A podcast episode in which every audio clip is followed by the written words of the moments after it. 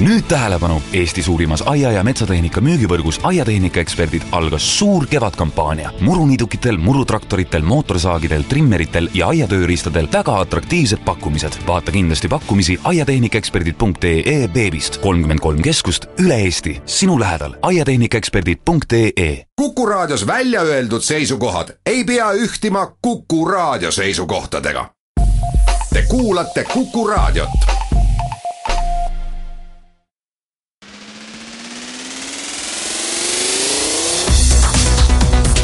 Muuli ja Samost. muuli ja Samost. tere, head pühapäeva kõigile, alustame saadet Muuli ja Samost, stuudios on Anvar Samost ja Kalle Muuli. ja erandkorras salvestame seda saadet äh, reede õhtul kell äh, kuus, äh, kuna pühapäeval mul ei ole kahjuks võimalust seda reisi tõttu teha.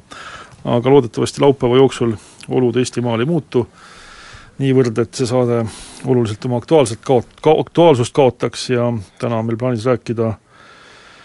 Tallinna Sadamast, neljast miljonist või neljast sidrunist äh,, poliitilisest korruptsioonist äh,, kahe tooli seadusest, ehk siis äh, Riigikogu poolt äh, teise, Riigikogus teisel lugemisel, teise lugemise läbinud äh, Äh, seadusemuudatusest, mis lubaks Riigikogu liikmetel kuuluda kohalike volikogude ridadesse, räägime ka Keskerakonnast. Paari, äh, paari üksikteema põhjal äh, Jevgeni Ossinovski kõnest ja saate lõpetuseks siis püsirubriigina on kavas vaadata presidendi kampaania selle nädala käike. muuli ja Samost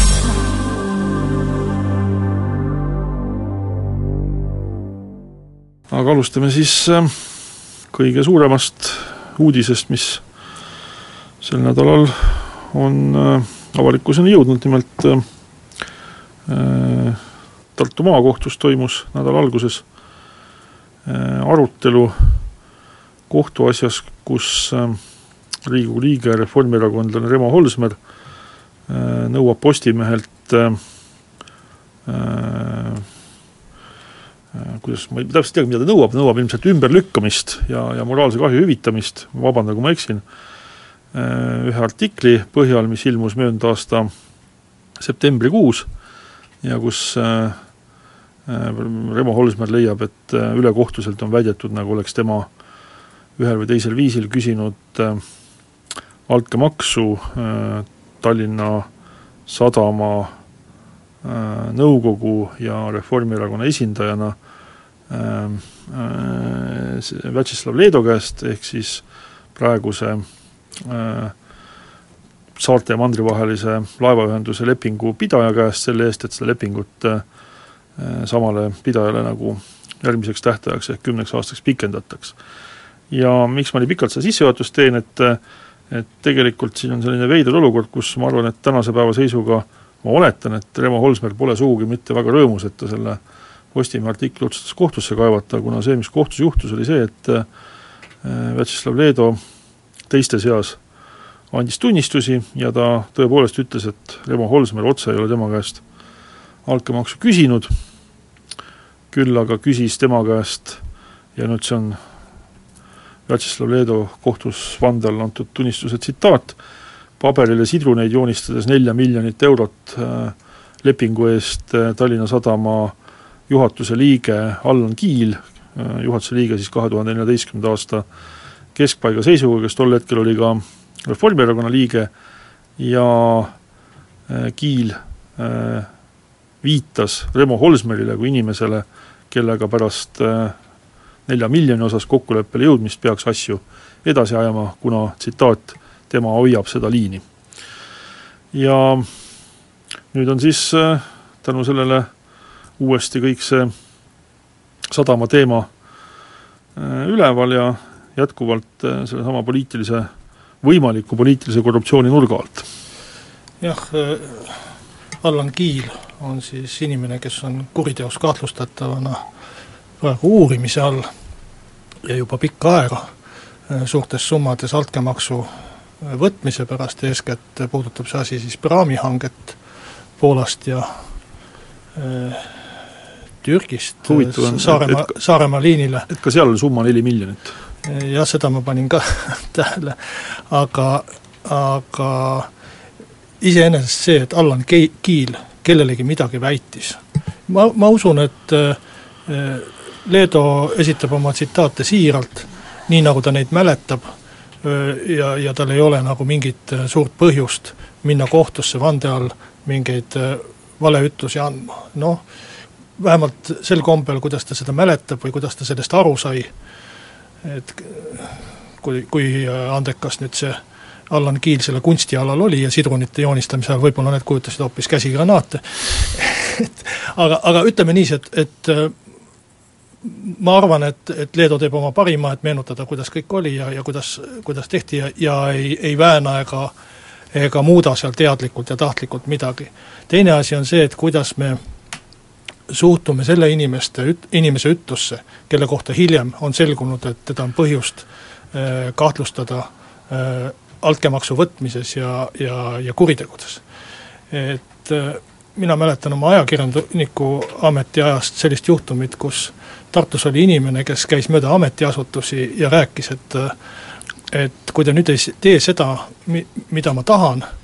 siis mul on juba Kalle Muuliga kokku lepitud, ma olen tema sugulane ja, ja saan temaga hästi läbi, et meil on Muuliga kokku lepitud, et siis, siis ta kirjutab teist artikli sellise, sellise. ja mul oli pärast palju paksu pahandust ja, ja tüli tõestamaks, et mul ei ole selle asjaga vähimatki pistmist. et mis ma tahan ütelda, on see, et tegelikult äh, peaks nagu vaatama seda, mida siis Allan Kiil võis selle raha saamiseks rääkida, võib-olla ta rääkis Poola laevatehases ka, et peaminister isiklikult toetab kõike seda või mis iganes, mida ta ette võtab, see ei tähenda, et kõik eh, pidi nii olema, nagu ta rääkis. et eh, kui me vaatame seda Poola juhtumit, seda reaalselt, eh, kus rahad liikusid ja, ja mida praegu uuritakse või praegu uuritakse juba ka, ka Leedu ütlusi, aga hea küll, mida siiamaani on pikalt uuritud, siis seal on raha ju liikunud sularahas, riik, raha liikus ülekannetes, nii palju kui meil teada on. ja äh, seal on näha ka raha liikumine ja kuskil ei ole olnud ju mingisugust äh, sidet äh, poliitikasse, see, see raha on liikunud ikkagi Kiili ja tema ärimeestest sõprade, sõprade vahel, et ma arvan, et et sama põhjalikult peaks kindlasti uurima ka äh, Leedu väiteid ja, ja ma arvan, et kapo ja prokuratuur on nii võimekad küll, et suudavad seal eh, tõe selgeks teha mm. -hmm. no umbes samasugust äh, kirjeldust esitas ka täna, tähendab siis reedel Vikerraadios äh, vastavatele küsimustele vastates äh, peaminister, Reformierakonna esimees Taavi Rõivas, aga äh, erinevalt nüüd teist, mina arvan, et me peaksime nii Leedo kui ka tema poolt refereeritud Allan Kiili ütlustesse suhtuma väga tõsiselt ja ma kohe selgitan, miks. et äh, Allan Kiil sel hetkel, kui äh, toimus see Leedu poolt kirjeldatud kohtumine, see on siis kahe tuhande neljateistkümnenda aasta äh, ma saan aru, et varasuvel äh,, oli Tallinna Sadama juhatuse liige ja tolleks hetkeks ta oli Tallinna Sadama juhatuse liige olnud vist juba vähemalt kümme aastat. Ja äh, tal oli Tallinna Sadama nõukogu väga suur usaldus äh,, seda tema ja, ja ka tema kolleegi Ain Kaljuranna töölepingut oli pikendatud selleks hetkeks juba äh, kolmel korral, kusjuures viimasel kahel korral oli ametis olev majandusminister ehk siis varasemalt Juhan Parts IRL-ist ja hiljem Urve Palo Sotsiaaldemokraatlikust Erakonnast üritanud nende lepingute pikendamist äh, takistada ja, ja viia asi nii kaugele, et korraldataks nagu päris konkurss sadama juhatuse liikmete kohale kahe tuhande kaheksandal aastal, kahe tuhande üheteistkümnendal aastal ja siis äh, lõpuks äh, kahe tuhande neljateistkümnendal aastal. aga kahe tuhande neljateistkümnendal aastal juhtus isegi niimoodi, et Remo Holsmeri juhtimisel, kes oli asunud Tallinna Sadama nõukogu esimeheks nõukogu tavaliikme kohalt seoses sellega, et Neinar Selil oli tegemist kuriteosüüdistusega millest hiljem ka süüdi mõisteti, tema juhtimisel, vaatamata Urve Palo kõikidele väidetele ja Urve Palo vist, kui ma õigesti mäletan, siis oli Remo Holsmeriga korduvalt vestelnud sel teemal ja tu-, ja toonud ka välja selle, et kaitsepolitsei on leidnud Tallinna Sadama juhatuse liikmete isikute juures terve terve rea küsitavusi, mitte ainult kolmeks aastaks ei pikendatud Tallinna Sadama juhatuse liikmete lepinguid, vaid sellel korral lausa viieks aastaks. ehk siis, kui poleks juhtunud seda vahelekukkumist kahe tuhande viieteistkümnendal aastal, siis oleksid Allan Kiil ja Ain Kaljurand praegu ametis äh, kahe tuhande üheksateistkümnenda aastani, ehk siis sisuliselt selle praeguse valitsuse ametiaja lõpuni. ja see peab olema erakordselt suur usaldus, mis valitseb äh, nõukogu esimehe, äh, nõukogu liikmete ja kuna tegemist on poliitikutega seal nõukogus, nende erakondade ning, äh, või siis selle erakonna, kes seda jätkamist toetas ja selle eest võitles, ning teiselt poolt juhatuse liikmete vahel. see ei ole nüüd selline suhe, et Allan Kiil käis ringi ja õieti Remo Holsmerit tundmata loopis tema nime vasakule ja paremale, nagu sina mulle kirjeldasid inimest, kes sinu, sinust, sind, sinuga pole vist kohtunudki tegemist oli inimestega, kes olid aastaid koos töötanud, kes teadsid väga hästi üksteist, kellest eh, üks pool usaldas juhatust nii tugevalt, et pikendas korduvalt nende eh, ametilepinguid, vaatamata teiste erakondade vastuväidetele, ja selles osas ma arvan, et kui nüüd see Leedo poolt väidetu vastab tõele, mida Allan Kiil talle ütles, siis Allan Kiil ei ole kindlasti rumal inimene, ei ole kindlasti rumal inimene, et et äh, ta pidi ju arvestama, et juhuks, kui tõesti Vjatšeslav Leedo oleks osutunud ebaausaks inimeseks, oleks võtnud vastu selle pakkumise, siis ta tõesti oleks ju järgmisena läinudki Remo Holsmerile rääkima. et see asi oleks ju jäänud siin Allan Kiili ja äh, Vjatšeslav Leedo vahele, kuna praami konkursi üle ei otsustanud ju Allan Kiil, selle üle otsustas tegelikult valitsus. ja nagu me mäletame, siis möödunud aastal toimus, vabandust, mitte möödunud aastal, kahe tuhande neljateistkümnenda aasta suvel, samamoodi varasuvel, toimus üks väga Äh, oluline asi, nimelt selle hetkeni, kuskil ma arvan, et see võis olla kas viies või kümnes juuni kaks tuhat neliteist, oli tollane Reformierakonna ja Sotsiaaldemokraatide valitsus ajanud seda, noh ütleme, ajanud sellist liini, et suure tõenäosusega selle tulemusena oleks uue kümneaastase lepingu saanudki Vjatšeslav Leedo ja tema äh, äripartnerid. aga siis toimus mingi krõks ja ma mäletan, et äh, mitmed inimesed on rääkinud, et toimus üks kohtumine, kus Urve Palole poliitikute väga kitsas ringis tehti selgeks, et tegelikult tuleb ikkagi viia need, võtta kogu see laevaliini pidamine riigi kätte, anda Tallinna Sadamale ülesanne korraldada vastav konkurss, leida laevad ja nii edasi. küsimus on, õigemini on kaks küsimust, miks hoiti Allan Kiili ja Ain Kaljuranda nii suure usalduse sees miks, millest oli tulenes nii suur poliitiline toetus. ja teiseks, mis toimus siis kahe tuhande neljateistkümnenda aasta juuni alguses, et valitsuse seisukoht, mida võib-olla küll ametlikult forme-, formuleeritud, aga mis selgelt oli olemas, muutus nii pöördeliselt no see on kõik teada ja, ja minu enda erakonna liige Juhan Parts oli majandusministrina see, kes korduvalt üritas nii-öelda nõukogud, nõukogud kallutada selle poole, et Allan Kiil äh, ja või vabandust, Ain Kal-, Kaljurand äh, ja Allan Kiil, no seal väga suurt vahet ei ole, eks ju, et äh, ametist vabastada. Ja, ja, ja vastuseis tuli siis nõukogu esimehe poolt ja, ja ka mõne nõukogu liikme poolt, see, see kõik on teada, aga aga kui ma vaatan seda, seda nagu selle konkreetse juhtumi loogikat, siis kui üks erakond tahaks saada neli miljonit äh, toetust,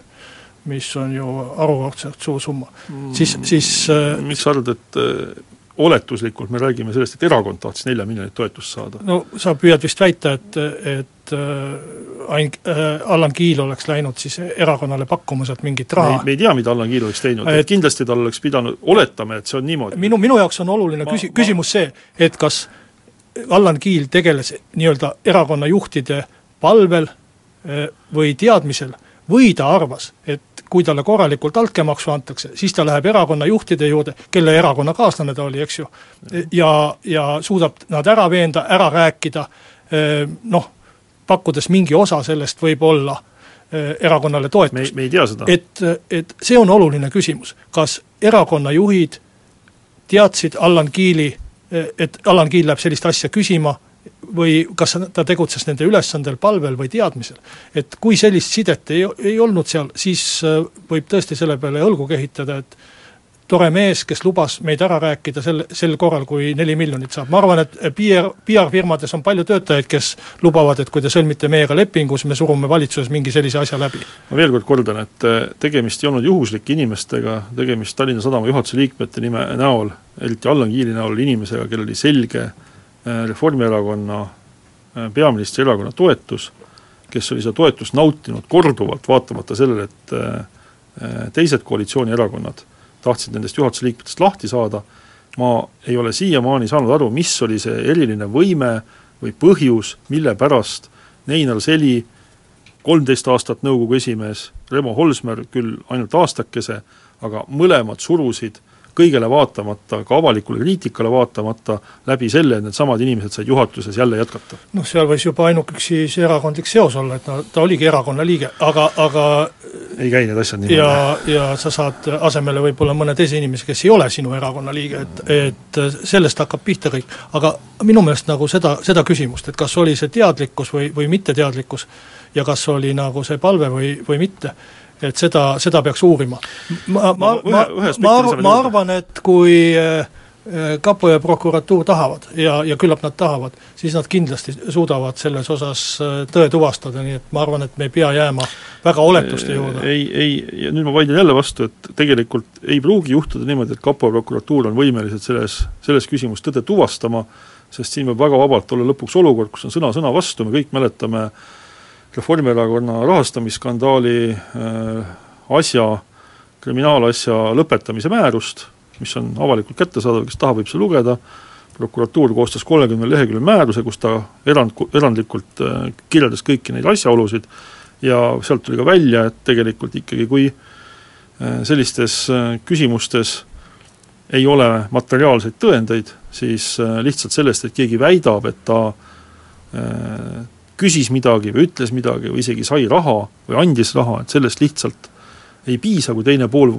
väidab vastu, et mitte midagi sellist äh, pole olnud. no kui Allan Kiil ja Vjatšeslav Leedo äh, ühtemoodi väidavad ja mäletavad no, sündmusi, siis on teine, teine siis olukord. siis on hoopis teine olukord. aga, räägime veel natukene sellest sadamast edasi, et see asetub nüüd sellisesse konteksti, et äh, sel nädalal on ka valmis saanud Riigikogu Tallinna Sadama uurimiskomisjoni lõpparuande draft. Äh, see on üks, äh, noh see dokument kindlasti veel leiab äh, muutmist, ma oletan, kuna selle nädala keskel oli vist mingi muudatusettepanekute tähtaeg, kui ma ei eksi, aga noh, vaevalt, et seda täies mahus ümber kirjutatakse, seal on ikkagi küsitletud kümneid inimesi, kelle, kelle ütluste alusel on siis see komisjon seitsekümmend neli lehekülge teksti kirja pannud. Ja noh, ütleme niimoodi, et see on küll selline laialivalguv raport ja seal on palju asjatut ballasti. ma ütleks isegi, et ilukirjanduslik. jah, aga mõned asjad on seal tegelikult väga reljeefsed ja väga selged, eriti see, mis puudutabki just nimelt seda, kuidas koostati nõukogu, eh, kuidas eh, koostati, kuidas toimis juhatus ja noh, ilu pärast võiksid nagu tsiteerida äh, mõnda kohta. Anvar, ära tsiteeri, esiteks vist on mingi hetkeni, kuna ta on visand, mitte lõppdokument, siis ta vist on isegi ametialaseks kasutamiseks, aga äh, mitte see ei ole äh, hetkel mu suurim mure, vaid pigem äh, tõesti, see raport on, nagu ma ütlesin, selline belletristlik või ilukirjanduslik oma sõnastuselt. Osalt sisult, sisult ka, aga, aga, aga ennekõike sõnastuselt, et ta ei ole selline äh, ametliku dokumendi sõnastusega. ja, ja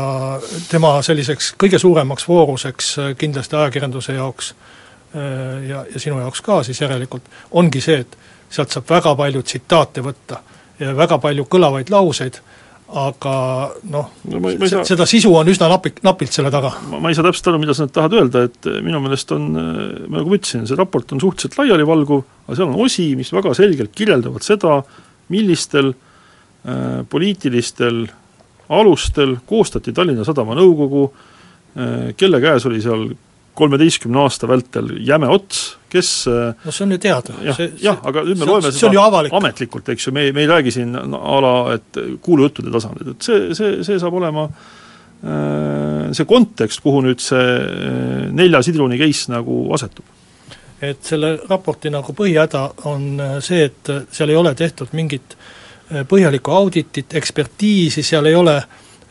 mingite ütleme, spetsialistide nagu, nagu hinnangud, seal on ära kuulatud terve hulk inimesi ja nende jutust, mis on nii nagu suu, suuline jutt ikkagi mahlakas ja, ja mõnus, nende jutust on siis pandud omakorda see raport või jutustus kokku ja, ja nii, nagu üks või teine inimene seda on näinud, nii ta tegelikult sinna raportisse ongi läinud.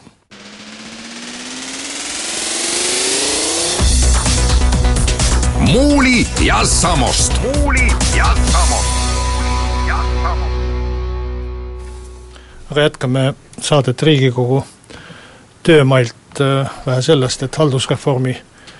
teine lugemine jõudis äh, lõppeval nädalal lõpule. kohe pärast seda äh, lõpetati ka noh, võib-olla et veidi isegi muude sündmuste varju jäänud seaduseelnõu teise, teine lugemine, see on siis nii-öelda kahel toolil istumise seadus, ehk siis jutt käib sellest, et kas Riigikogu liige võiks äh, töötada, noh töötamiseks on vist seda imelik nimetada. tegutseda. esindada oma valijaid ka äh, kohalikus volikogus või ta ei võiks seda, et Eesti äh, ajaloos on olnud nii ja teistpidi, et kuni kahe tuhande viienda aastani äh, olid Riigikogu liikmed volikogus, siis äh, otsustas Riigikogu, et nad ei peaks seal olema ja kuni siis äh, praeguse ajani on, on seis selline, et Riigikogu liikmed küll võivad kandideerida kohalikel valimistel, aga seadus keelab neil äh, sinna volikogu liikmeteks äh, hakata. nüüd on siis menetluses ja teise lugemise läbinud seaduseelnõu, mis jälle lubab neil seal volikogudes töötada, kui nad on sinna valitud suure tõenäosusega niimoodi see seadus vastu võetakse, et, et ma ei kujuta ette, et kas pärast kolmandat lugemist ja seaduse vastuvõtmist no ma oletan, et president siiski vist kuulutab selle välja, et president ei ole avaldanud teistsugust seisukohta. et ega ega ta ei pea ette andma hinnangut, ehkki vahel ta annab aga, aga keegi, keegi, kellele see seadus ei, ei sobi, et äh, nagu näiteks poliitilised oponendid, need võivad muidugi kaevata või noh, nii-öelda vaidlustada selle seaduse sellisel kujul, kujul Riigikohtus, Riigikohus on küll ükskord arutanud sedasama asja, sama teemat, aga ta ei ole võtnud seisukohta, mis oleks tänases seisukohas nagu suunist andev või, või pretsedendi mõjuga, kuna see oli vist eelmine kord kaks tuhat viis, kui see seadus oleks pidanud jõustuma vahetult enne kohalikke valimisi, tollal Riigikohus lihtsalt ütles, et nii lühikese äh, aja jooksul enne valimisi äh, ei ole võimalik selliseid muutusi nagu teha. ta ei öelnud sisulist äh, vastust küsimusele, et kas siis vastavalt põhiseadusele võib äh, Riigikogu liige äh, olla samaaegselt ka kohaliku volikogu liige. Ja meil on kaks, või kolm erinevat õiguskantslerit on vist nüüd selles seisukohas samuti kahel erineval seisukohal, et ühel pool on siis Allar Jõks, kes on öelnud, et ei või, ma ei ole jurist, ma detailidesse ei lähe, ja siis teisel pool on kindlasti Indrek Teder, kes on öelnud, et võib äh, ja minu, minu teada Ülle Madise on, vähemalt Põhiseaduskomisjoni liikmed on mulle edasi andnud, et Ülle Madise on Põhiseaduskomisjonis suuliselt väljendanud arvamust, et, et võib. aga paneme selle juriidika nagu kõrvale, et ma pigem küsiksin niimoodi, et kas see nüüd, see seadus, kui ta hakkab kehtima ja lubab nagu äh, nii kohalikus volikogus kui Riigikogus tegutseda, et mida see siis tegelikult nagu äh, annab või muudab, et siin äh, reaalses poliitikas, et, et noh, oluline aspekt on siin kohe see, et tõmbame vahe vahele, et meil on siin kahte tüüpi omavalitsusi, ühed on siis kõik muud omavalitsused ja see teine tüüp on Tallinn, mille pärast ma saan aru, et ka ikkagi need muudatused on äh, väga suure tõenäosusega nüüd ette võetud. et äh, juba iseenesest see, et nagu Tallinnas üritatakse seda nii-öelda poliitilist maastikku muuta nagu seadusega, et see mulle tegelikult isiklikult väga eriti ei meeldi, et see on äh, ma ei tea, mitmes kord, millal nii-öelda sama asja proovitakse ja kõikidel varasematel kordadel on tulemus olnud äh, täpselt vastupidine. ma ei ennusta, et see nüüd seekord täpselt vastupidine on, ma lihtsalt ütlen, et et selline nagu äh, noh, valimistulemuse äh, või siis poliitilise mingi tasakaalu ümberjoonistamine kõrgemalt poolt seadusandlike vahi, vahenditega kohalikus omavalitsuses, et see ei ole nagu võib-olla kõige parem poliitika. Et, et see seadus ei ole tehtud Tallinna no, pärast, et ta no, on, no, keegi no, ei ole maininud seda, et ta, oi, oi. ta tegelikult on koalitsioonileppes juba sees. jaa, no see ei välista seda, et et see, see, mis, mis, mida tehti Tallinna pärast, oli siin vahepeal tähtaegadega äh, jenderdamine, et, et kas tuua see tähtaeg ligemale või teha järgmistest valimistest, et tegelikult äh, see, mille pärast seda tehakse, on, on praegune olukord Tallinna volikogus küll, aga, aga mitte ainult keskfraktsioonis, vaid vaid ka teistes, et Tallinna volikogus on ju olemas päris täpselt ei ole, võib-olla, võib-olla eksin ühe isikuga, aga aga minu meelest on olemas isegi fraktsioon, kus ei ole ühtegi valitud liiget.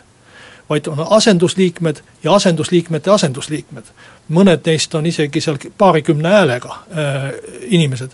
et äh, minu meelest mõlemad variandid on üsna kehvad variandid. ütlen ausalt, et see kord, mis praegu on, kus Riigikogu liige võib küll kandideerida aga ei saa olla äh, volikogu liige. Tekit... see on siis see, mida nimetataksegi pardinduseks? jah, see tekitab pardinduse olukorra, kus inimesed äh, küll valitakse volikogusse aga nad ei kasuta seda mandaati? aga asemele tulevad asendusliikmed ja vahel ka asendusliikmete asendusliikmed ja tegelikult kui vaadata Tallinna volikogu, siis vist isegi umbes pooled inimesed on, on asendusliikmed, keda ei ole sinna tegelikult valitud noh, võib ütelda, et sellest ei ole midagi, et äh, asendusliige on täpselt sama hea kui liige kui, kui mitte asendusliige, aga kui vaadata nende inimeste äh, äh, hääli, mis nad on saanud, siis see on kümme, kakskümmend, kolmkümmend, mingid sellised numbrid, et kui Riigikogus on asendusliige, ma ise olen ka Riigikogus asendusliige, siis Riigikogus on pandud alampiir, mis on seal umbes kahesaja, kolmesaja hääle juures, ta tegelikult on protsentuaalselt võetud, nii et absoluutnumbrit ei ole, aga, aga noh, minuga asendusliikmete häälte hulk on üle tuhande. et et, et Riigikogus selliseid asendusliikmeid ei tule kõne alla, kes esindavad mingit mõnda kümmet valijat. no samas see mõnikümmend äh, Tallinnas on kindlasti suurema kaaluga kui kogu Eesti peale. on küll, aga, aga ikkagi väga väikse kaaluga ja, ja, ja siis tulevadki sellised ja. inimesed volikogusse, keda rahvas tegelikult ei ole no, tahtnud siin võib jälle küsida seda, et kas see iseenesest ongi väga halb, et ta toob poliitikasse tegelikult uusi tegijaid juurde, et äkki mingi lootus, noh ma ütlen idealistlikult, et äkki mingi lootus on, et tuleb uusi liikmeid juurde, sest et kui nüüd seadus ära muudetakse, siis me teeme tegelikult erakondadele asja selles mõttes lihtsamaks, et neil ongi vaja umbes nagu mingit noh, ma ei oska numbrit täpselt öelda, aga noh, enam-vähem piisab sellisest viiekümnest enam-vähem vormis poliitikust, et endaga katab ära nii Riigikogu, valitsuse kui ka vajadusel Tallinna volikogu no tegelikult ju see arv, mis äh, erakondadel on, pole ju kuigi suur. Isa, Isamaa Res Publica Liidul on neliteist liiget Riigikogus, no mida me seal üle Eesti volikogudes ära katame? no Tallinnas või, ikka annaks mingi või, või EKRE-l on kuus ja Vabaerakonnal EKRE-l ikka seitse. või vabandust, seitse ja, ja Vabaerakonnal natuke rohkem. kaheksa. võime, võime ka isegi sotsid võtta viisteist, noh, ko-, kohutav arv, eks ju. ei no ma lihtsalt tahangi öelda, et, et võib-olla see iseenesest, seda võib vaadata nii ja teisiti, minul nagu ei ole väga selget äh, veendumust, et see muudatus midagi paremaks teeb, aga mul ei ole ka kindlasti veendumust, et nüüd mingisugune tohutu jama algab selle pärast. et jah ma arvan ka, et mõlemad äh, variandid on, on äh, üsna kehvad variandid, aga vähemalt see, kus äh, valituks osutunud inimesel noh, on võimalus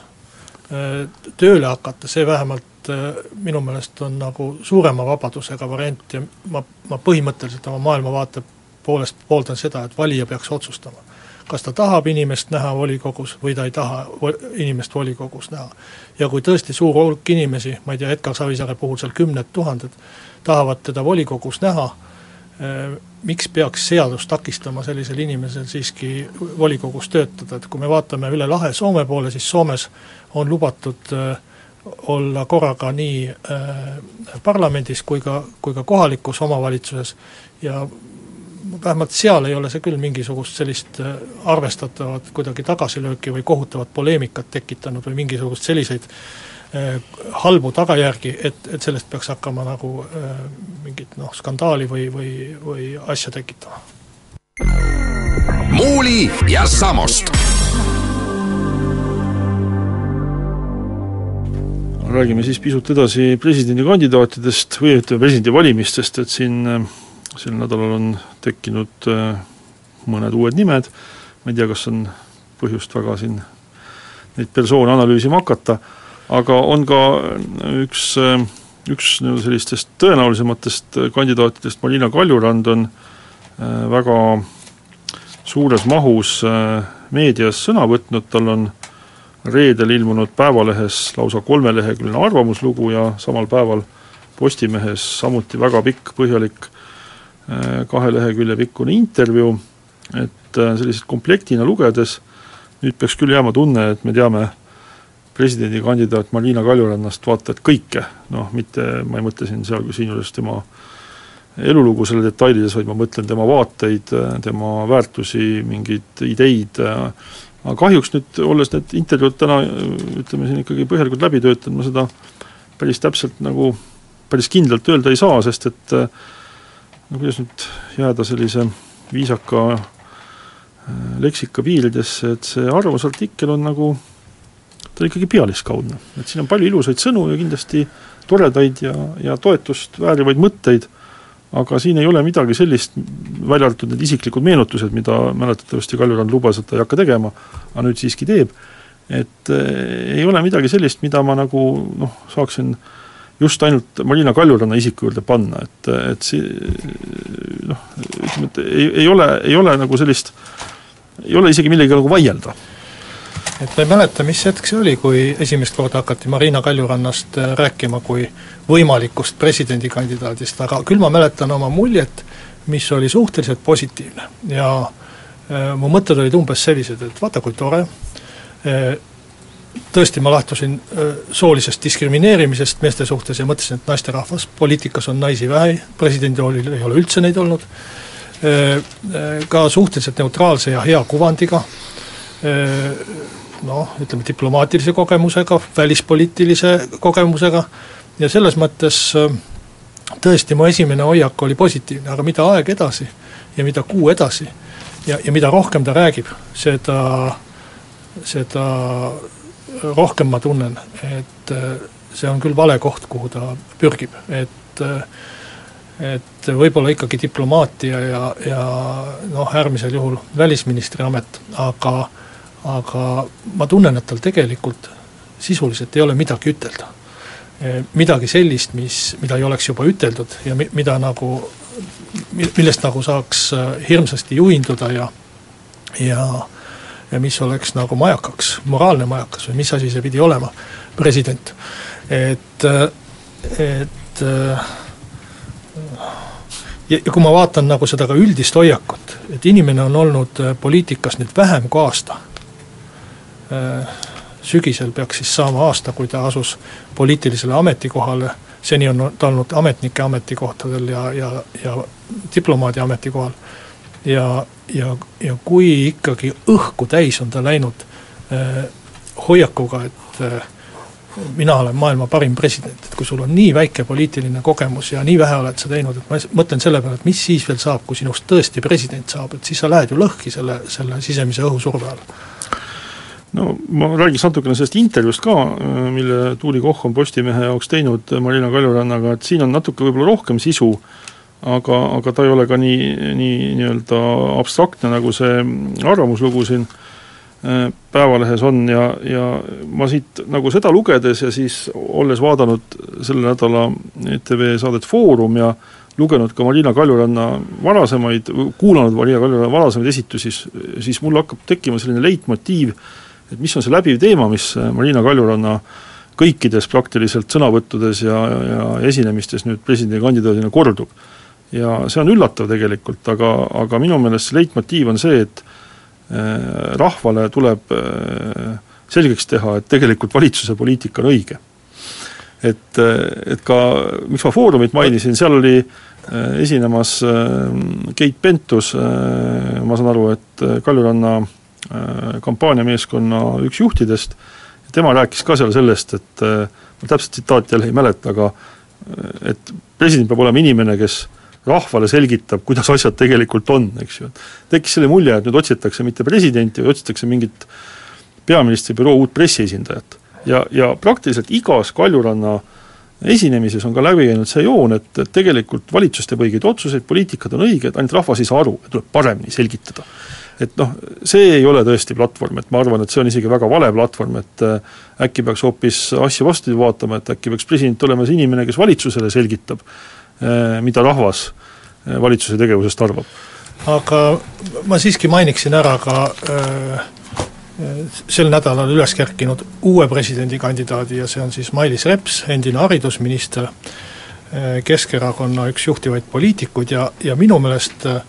Keskerakonna nii-öelda siseopositsioon või kuidas seda peaks nimetama, igatahes see tiib, kes toetab siis Kadri Simsonit Keskerakonnas Edgar Savisaare vastu, mängib päris osavalt, et see on päris hea käik ja, ja, ja presidendivalimiste ärakasutamine selliseks erakonna siseheitluseks on, on Edgar Savisaare kool on kõva. täitsa nutikas, et, et see paneb Edgar Savisaare võib-olla et esimest korda elus sellisesse kahvlisse oma enda erakonnakaaslaste poolt, et et ja, ja Mailis Reps väga aktiivselt on ka seda kampaaniat alustanud, sõidab juba mööda, mööda maakondi ringi ja kohtub inimestega ja ja äh, on igati tore ja, ja, ja edukas, et ma ma sooviksin talle küll tugevat sellist närvi ja, ja edu selles oma oma töös ja tegevuses, et äh, vaadates selles, et siseopositsioonil õnnestus nüüd ka äh, äh, noh, mitte, mitte just avalikkusele seni kättesaadavate materjalide alusel lahti lasta ka erakonna peasekretär, noh, vormistati ta küll omaalgatusliku lahkumisena ja nagu ma kuulnud olen, ei ole ka Äh, need äh, valgust kartvad teod sellised, mille põhjal saaks alustada kriminaalasja, kuna need järjekordsed ohvrid on, ei ole nooremad kui neljateistaastased, aga, aga siiski, et, et sellised sellid ja,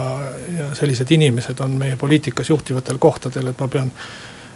noh, ükskõik, mis ma Kadri Simsoni Leeri varasematest tegudest arvan, ma pean ütlema, et nad on väga tublid, et nad selle inimese poliitikast minema saatsid.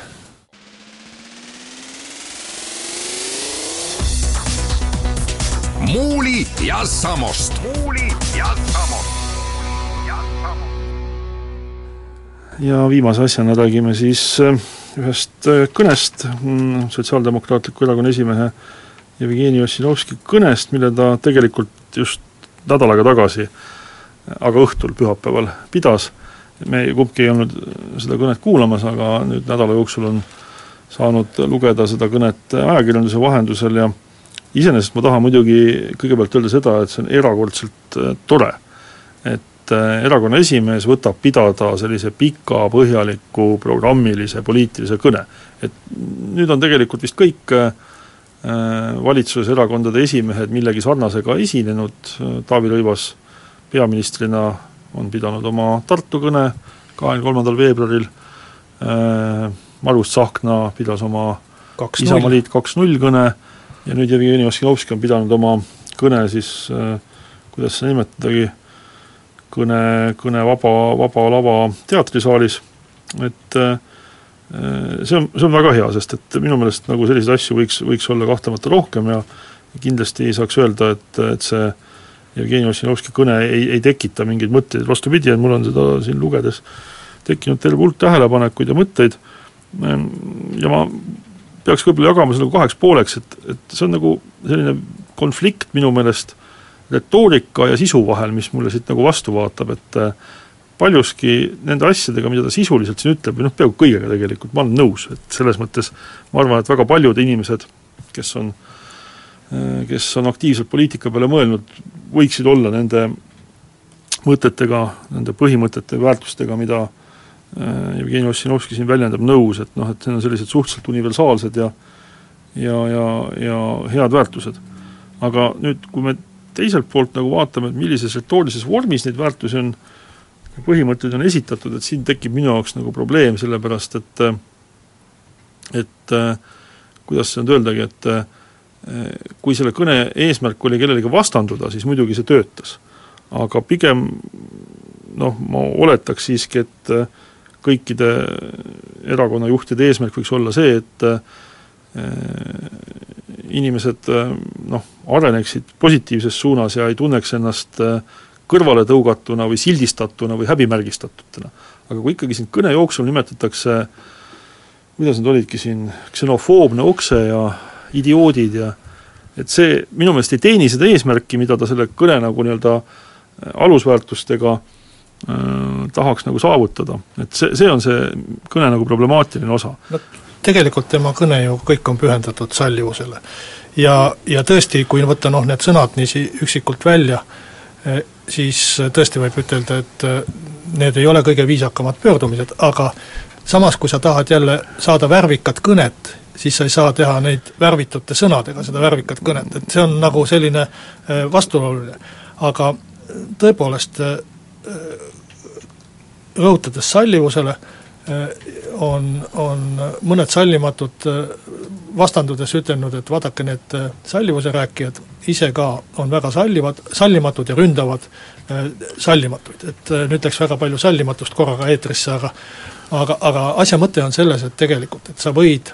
kritiseerida inimese tegevust, mida tegi Ossinovski, sa võid kritiseerida inimese seisukohti, mida tegi Ossinovski võib-olla mitte alati kõige paremate sõnadega, kõne jaoks piisavalt äh, värvikatega, et tähelepanu äratada, aga sa ei saa äh, rünnata või kritiseerida inimest äh, nende asjade pärast, mille pärast põhiseadus keelab teda kritiseerida, see on tema nahavärvus, tema usk, tema rahvus ja tema sooline orientats-, seksuaalne orientatsioon, neid asju on veel palju, mida põhiseadus üles loeb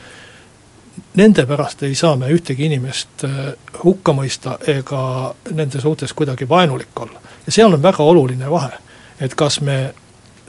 mõistame hukka mingi tegevuse või me mõistame hukka inimese nahavärvi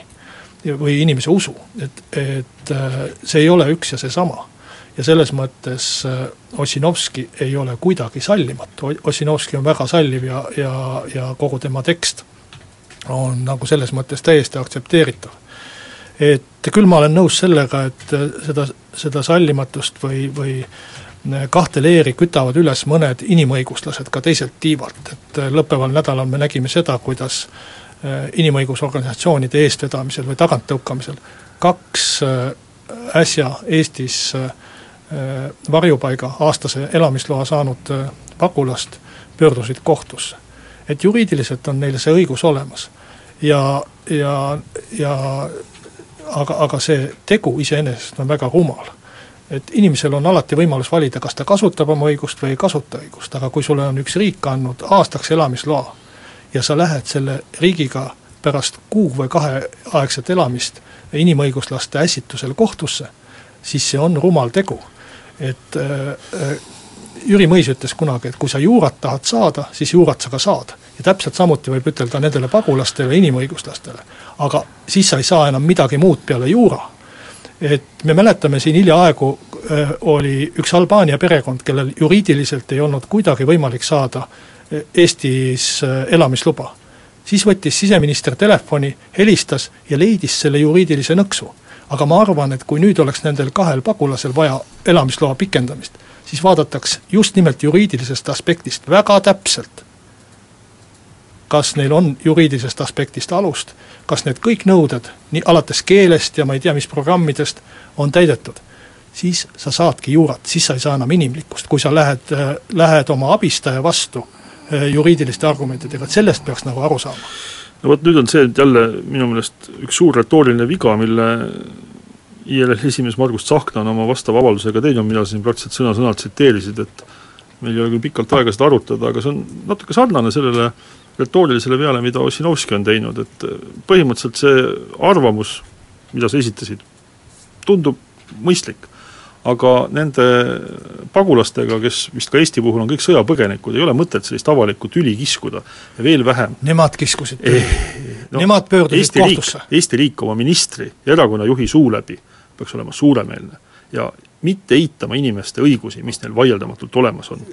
Neid on vähe, kui nad tahavad pöörduda kohtu poole oma õiguste nimel, las nad pöörduvad. Ja mis ma tahtsin lõpuks öelda,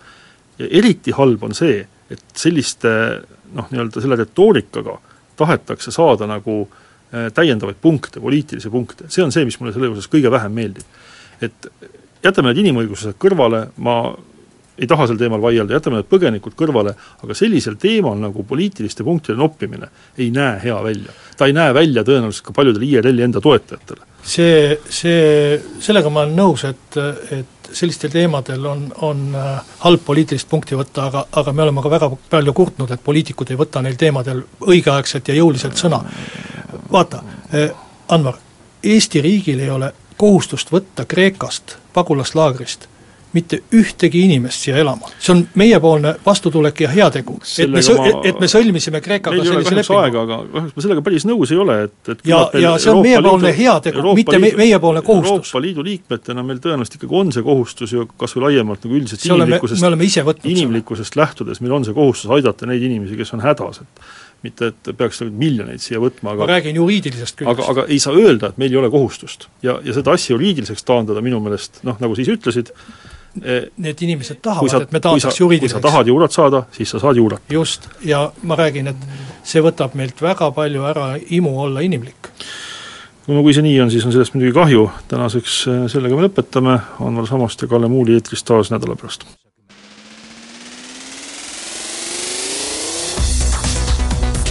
muuli ja Samost. muuli ja Samost.